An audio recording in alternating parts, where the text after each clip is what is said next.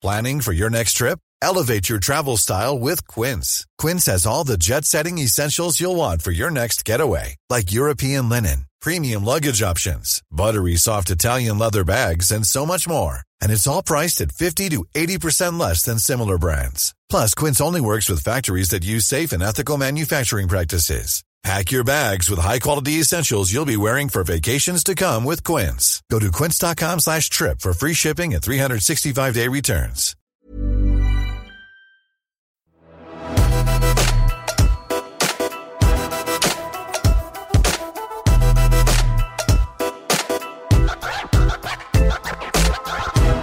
I godt over 40 år så har jeg vært opptatt av og jobbet med teknologi, og siden iPaden ble lansert, så har jeg også skrevet, snakket og forelest om teknologitrender og teknologiutvikling som sådan. I løpet av de siste årene så har jo mye av teknologiutviklingen handlet om 5G, Internet of Things, skyen og ikke minst da kunstig intelligens. Og i takt med de mange nye mulighetene som ny teknologi gir oss, ja, så dukker det også opp nye utfordringer, eller direkte problemer, og ikke minst trusler. Og det er det her som er det store teknologiutviklingsparadokset som jeg har lyst til å snakke om, og dem er det også mange av. Overordnet så kan vi si at teknologiutviklingen, og da spesielt den digitale delen av utviklingen, også kjent som digitalisering, handler om å gjøre mer med mindre, raskere og billigere, og til det bedre. Altså mer bærekraftig. Bra for økonomien, samfunnet og miljøet. Vinn, vinn, vinn i en global skala.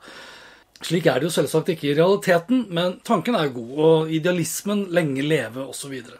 I korte trekk så skal jo teknologiutviklingen bidra til en bedre hverdag. Smidigere, mindre friksjon, mer effektiv og mer produktiv, og gi oss tid tilbake, tid som vi da kan bruke på viktigere gjøremål.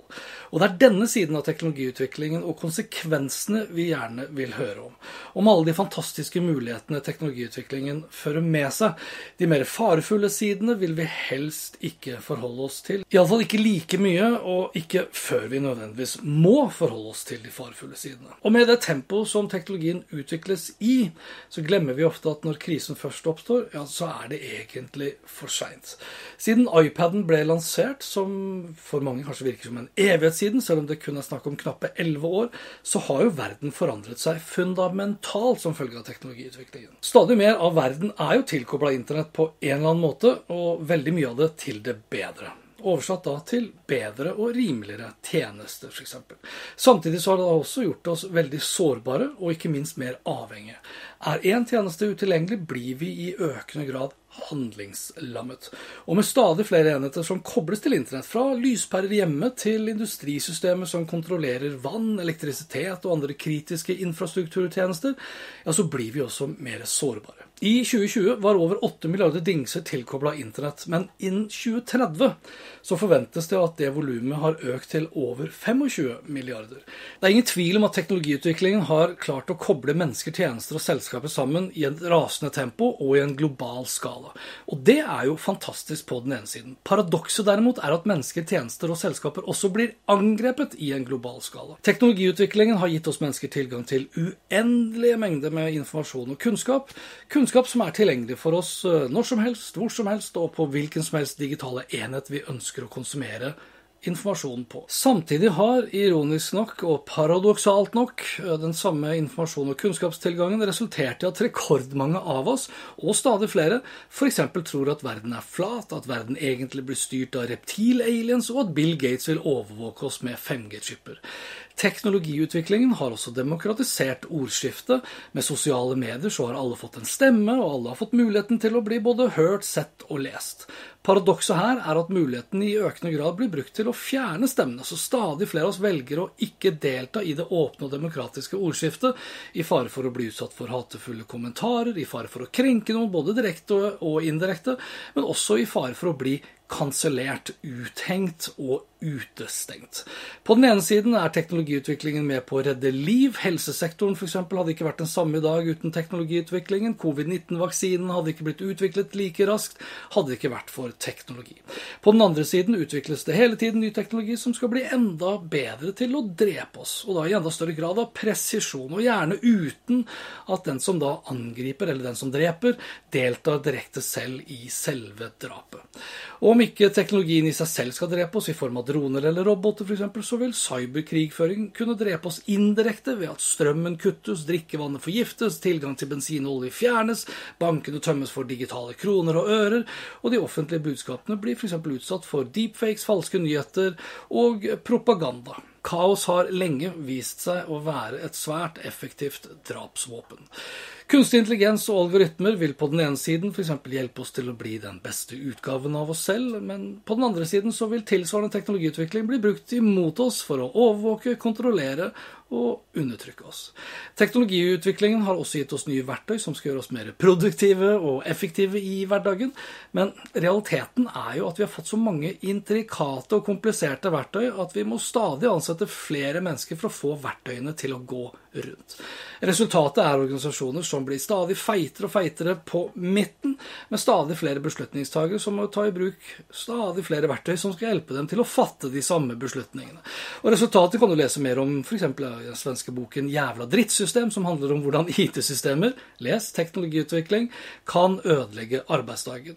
Og mange av dere husker sikkert også bullshit-jobber-diskusjonen fra 2018, som baserte seg på en undersøkelse fra den nederlandske økonomen Robert Dur. Og den avdekket at hele 25 av oss har mer eller mindre helt meningsløse jobber, og at andelen har ligget faktisk da stabilt fra 1989, altså seks år før vi fikk den første internettleseren, og frem da til 2015, da rapporten ble lansert.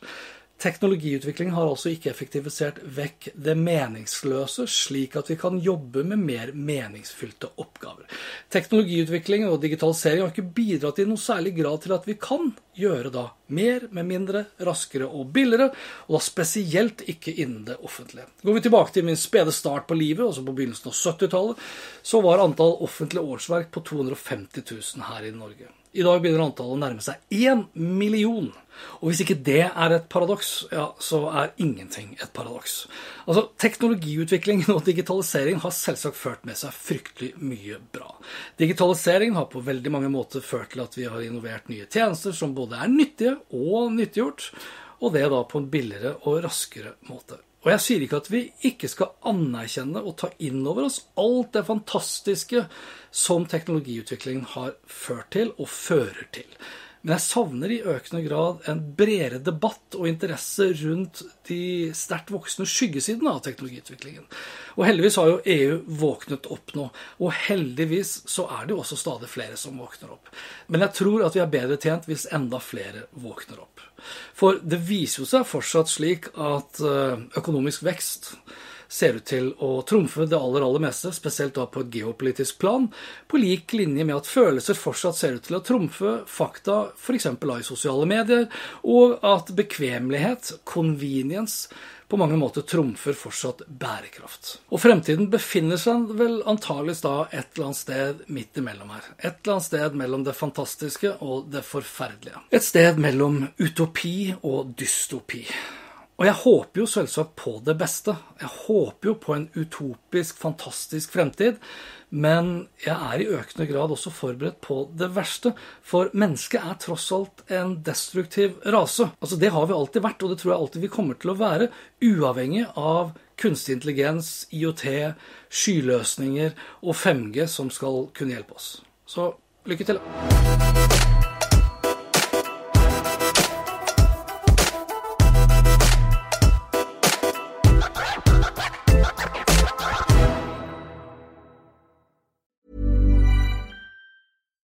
Deserves the best, and there's no better place to shop for Mother's Day than Whole Foods Market. They're your destination for unbeatable savings, from premium gifts to show-stopping flowers and irresistible desserts. Start by saving 33% with Prime on all body care and candles. Then get a 15-stem bunch of tulips for just $9.99 each with Prime. Round out Mom's menu with festive rosé, irresistible berry chantilly cake, and more special treats. Come celebrate Mother's Day at Whole Foods Market.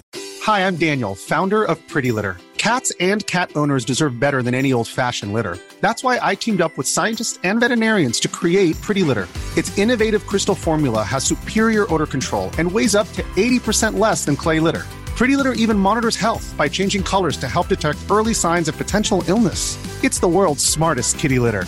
Go to prettylitter.com and use code ACAST for 20% off your first order and a free cat toy. Terms and conditions apply. See site for details.